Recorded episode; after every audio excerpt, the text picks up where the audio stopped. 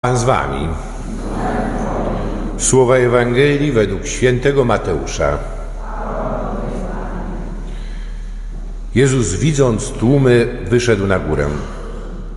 A gdy usiadł, przystąpili do niego jego uczniowie.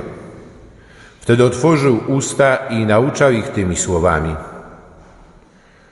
Błogosławieni ubodzy w duchu, albowiem do nich należy Królestwo Niebieskie. Błogosławieni, którzy się smucą, albowiem oni będą pocieszeni. Błogosławieni cisi, albowiem oni na własność posiądą ziemię.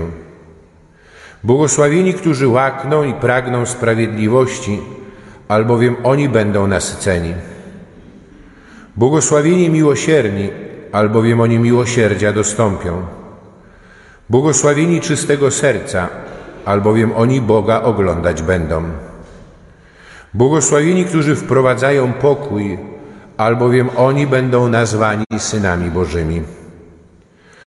Błogosławieni, którzy cierpią prześladowanie dla sprawiedliwości, albowiem do nich należy Królestwo Niebieskie. Błogosławieni jesteście, gdy wam urągają i prześladują was i gdy z mego powodu mówią kłamliwie wszystko złe o was. Cieszcie się i radujcie, albowiem wielka jest wasza nagroda w niebie. Oto słowo Pańskie.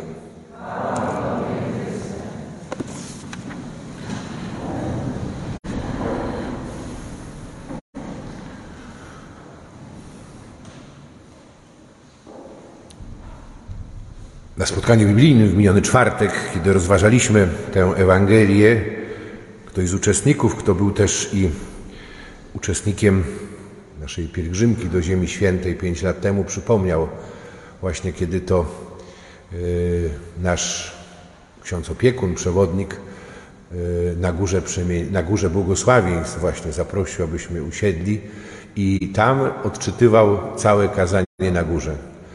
Patrząc na jezioro galilejskie, na te okolice i mając też i to poczucie, że jesteśmy w tym miejscu, w którym Jezus y, te słowa wypowiedział do tłumów, do swoich uczniów, ale tam wtedy wypowiadał je też i do nas, którzy my tutaj dzisiaj w tej parafialnej świątyni się zgromadziliśmy. I te słowa błogosławieństw, które są, można powiedzieć, wprowadzeniem i takim y, portalem do kazania na górze, ale tak naprawdę też i do e, całej Ewangelii, one łączą się też i e, z tym, co na końcu prawie Ewangelii świętego Mateusza e, kończy pięć wielkich mów, a mianowicie z tymi wypowiadanymi przez Jezusa biada czy przekleństwami. To ma odniesienie do Mojżesza, który właśnie wypowiada słowa obietnicy, błogosławieństwa, ale też i przekleństwa. Jezus jako ten nowy Mojżesz, ten, który ustanawia nowy lud i nowe królestwo, który przyszedł zainaugurować Królestwo Boże i stawia przed nami tak naprawdę możliwość wyboru, a tak naprawdę wypowiadając błogosławieństwa, składa wyznanie miłości. Że jesteśmy kochani, kochani przez Ojca w Nim, który został posłany dla naszego zbawienia. I e, te różne sytuacje, jakie są w naszym życiu, które wydawałyby się czymś przeciwnym e, do szczęścia, które sobie e, wyobrażamy, to są sytuacje właśnie uprzywilejowane, w których jesteśmy szczęśliwymi, bo to są sytuacje, w których w sposób szczególny możemy doświadczyć bliskości e, i miłości Pana Boga. To nie znaczy, że Pan Bóg nie chce, żebyśmy niczego nie posiadali, to nie znaczy, że Pan Bóg chce, żebyśmy płakali, smucili się, byli prześladowani, ale Bóg jest w sposób szczególny właśnie z nami w takich trudnych sytuacjach i ci, o których słuchamy w tej Ewangelii, w pierwszej części błogosławieństw, to są jako ci uprzywilejowani w oczach Bożych. E, I słuchamy tych błogosławieństw, które odnoszą się do Królestwa Bożego. Tak naprawdę w ich centrum jest sam Bóg, bo pierwsze i ostatnie błogosławieństwo mówi o Królestwie Bożym, a jest to też i taki zabieg retoryczny, gdzie e, wypowiadając miejsce, tak naprawdę myśli się o osobie, która to miejsce e, zamieszkuje. Mowa jest e, o Bogu, który jest źródłem prawdziwego szczęścia dla nas. Ubodzy w duchu to są ci, którzy być może akurat zostali pozbawieni wszystkiego, ale ich szczęście polega na tym, że nie ma między nimi nic, co ich od Boga oddziela że mogą w sposób szczególny doświadczyć tego, że Pan Bóg podtrzymuje ich w życiu, że On jest dla nich ich ostoją, e, ale w tym błogosławieństwie możemy odnaleźć się także i my, dziękując Panu Bogu za dach nad głową, za to, że mamy z czego żyć, że mamy czym się podzielić z innymi, ale mając świadomość tego, że tak naprawdę nie tylko, że może nastąpić taki moment, że staniemy się żebrakami, ale jesteśmy żebrakami, bo tak naprawdę nie zawdzięczamy sobie nic, tylko tak naprawdę Bóg jest tym, który nam daje. I szczęście jest darem od Boga. To nie jest pewien projekt, który się realizuje, y, wyznacza się pewne cele, y, tylko to jest to, czym zostajemy obdarowani.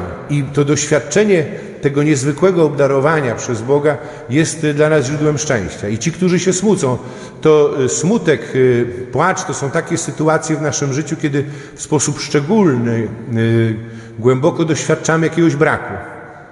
I to nie znaczy, że to są sytuacje dobre ale w tych sytuacjach y, mamy to możliwość doświadczenia tego, że Bóg jest tym, który nas pociesza.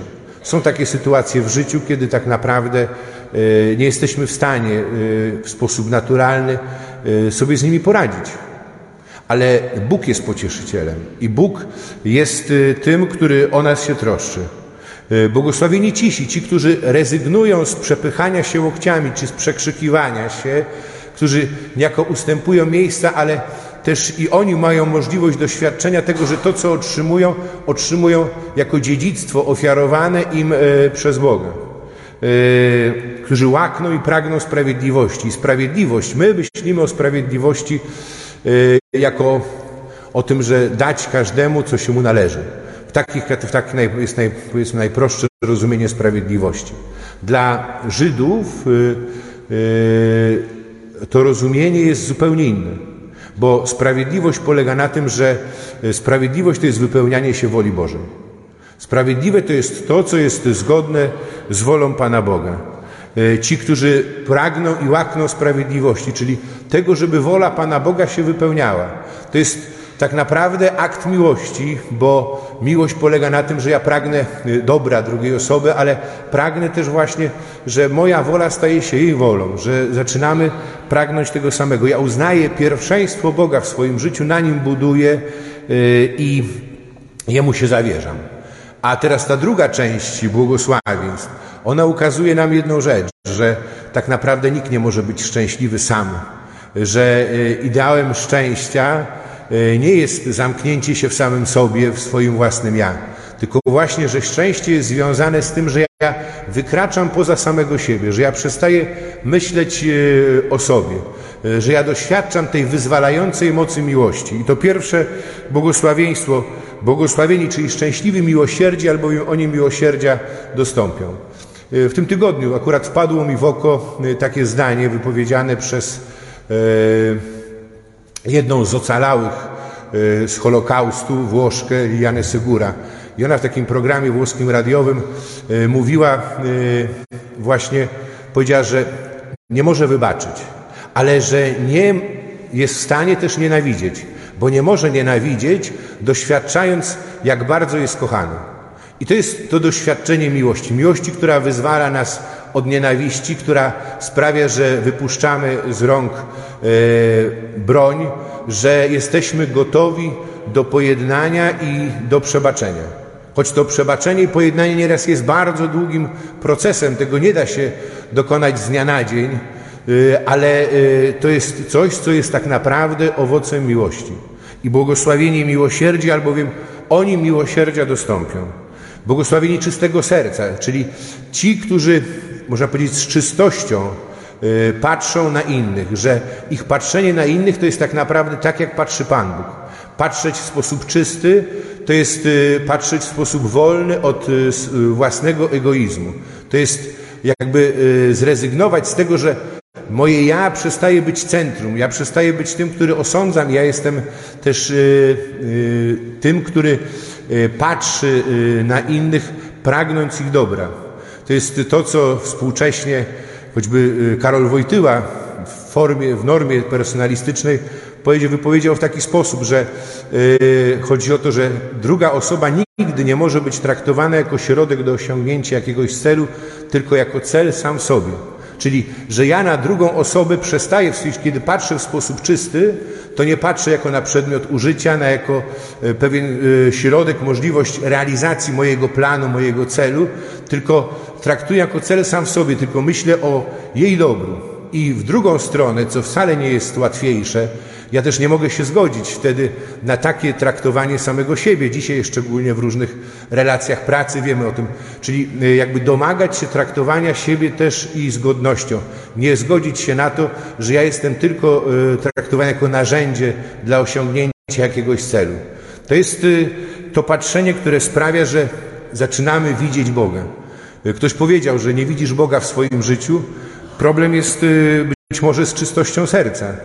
Może masz y, takie rany w swoim sercu, albo y, takie y, właśnie ciemności, które nie pozwalają ci też i dostrzec Pana Boga, bo nie jesteś w stanie popatrzeć też i z miłością na innych, ale też i na siebie.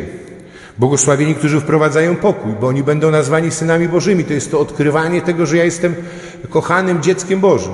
I to jest źródłem też i pokoju w moim sercu, pokoju, który promieniuje, który też i przemienia moje otoczenie. I ci, którzy cierpią y, prześladowanie dla sprawiedliwości, czyli cierpią prześladowanie, bo jeśli ja pragnę rzeczywiście żyć i staram się żyć zgodnie z wolą Pana Boga, y, czyli zgodnie z tym, co jest tak naprawdę, można powiedzieć, nie chcę odwróceniem, ale na pewno w wielkim kontraście do y, takiego sposobu życia, jaki mi proponuje świat, to zawsze to się musi spotkać z niezrozumieniem, z odrzuceniem i też bardzo często z prześladowaniem. I ten, który żył w taki sposób, e, w sposób doskonały, e, wiemy, kto wypełnił błogosławieństwa. E, Jezus Chrystus. I On nas zaprasza do tego, żebyśmy po prostu żyli tak jak On, żebyśmy doświadczyli tego wielkiego szczęścia, które wiąże się z doświadczeniem miłości Pana Boga. I żebyśmy też i w ten sposób wzrastali jako ci, którzy są y, gotowi ofiarować swoje życie i ofiarują swoje życie także y, i Panu Bogu y, i innym.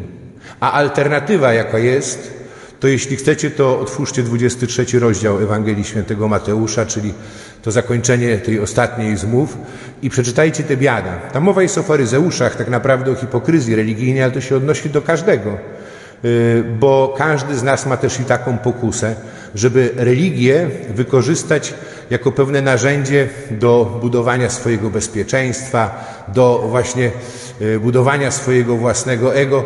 E, Pan Bóg przestaje być tym, który jest rzeczywiście Bogiem, Panem mojego życia, a staje się tym, który ma wykonywać moje pragnienia, ma wypełniać moje pragnienia, ma pomóc mi w realizacji mojego planu na życie. I tak naprawdę to jest weryfikacją tego, czy to jest Bóg miłujący, jeśli On rzeczywiście sprawia to, czego ja oczekuję, co ja postawiłem sobie jako cel. E, I tam wtedy słychać to biada. Wybór należy do nas. Pan Jezus zaprasza nas, e, obdarzając nas miłością, do tego, abyśmy spróbowali pójść e, drogą błogosławieństw, abyśmy nie bali się tego ryzyka i doświadczali też na miarę tego, jak postępujemy tą drogą, jak bardzo jesteśmy uprzywilejowani, jak bardzo jesteśmy szczęśliwi, abyśmy odkrywali w ten sposób źródło tego szczęścia, jakim jest miłość Pana Boga do nas. Amen.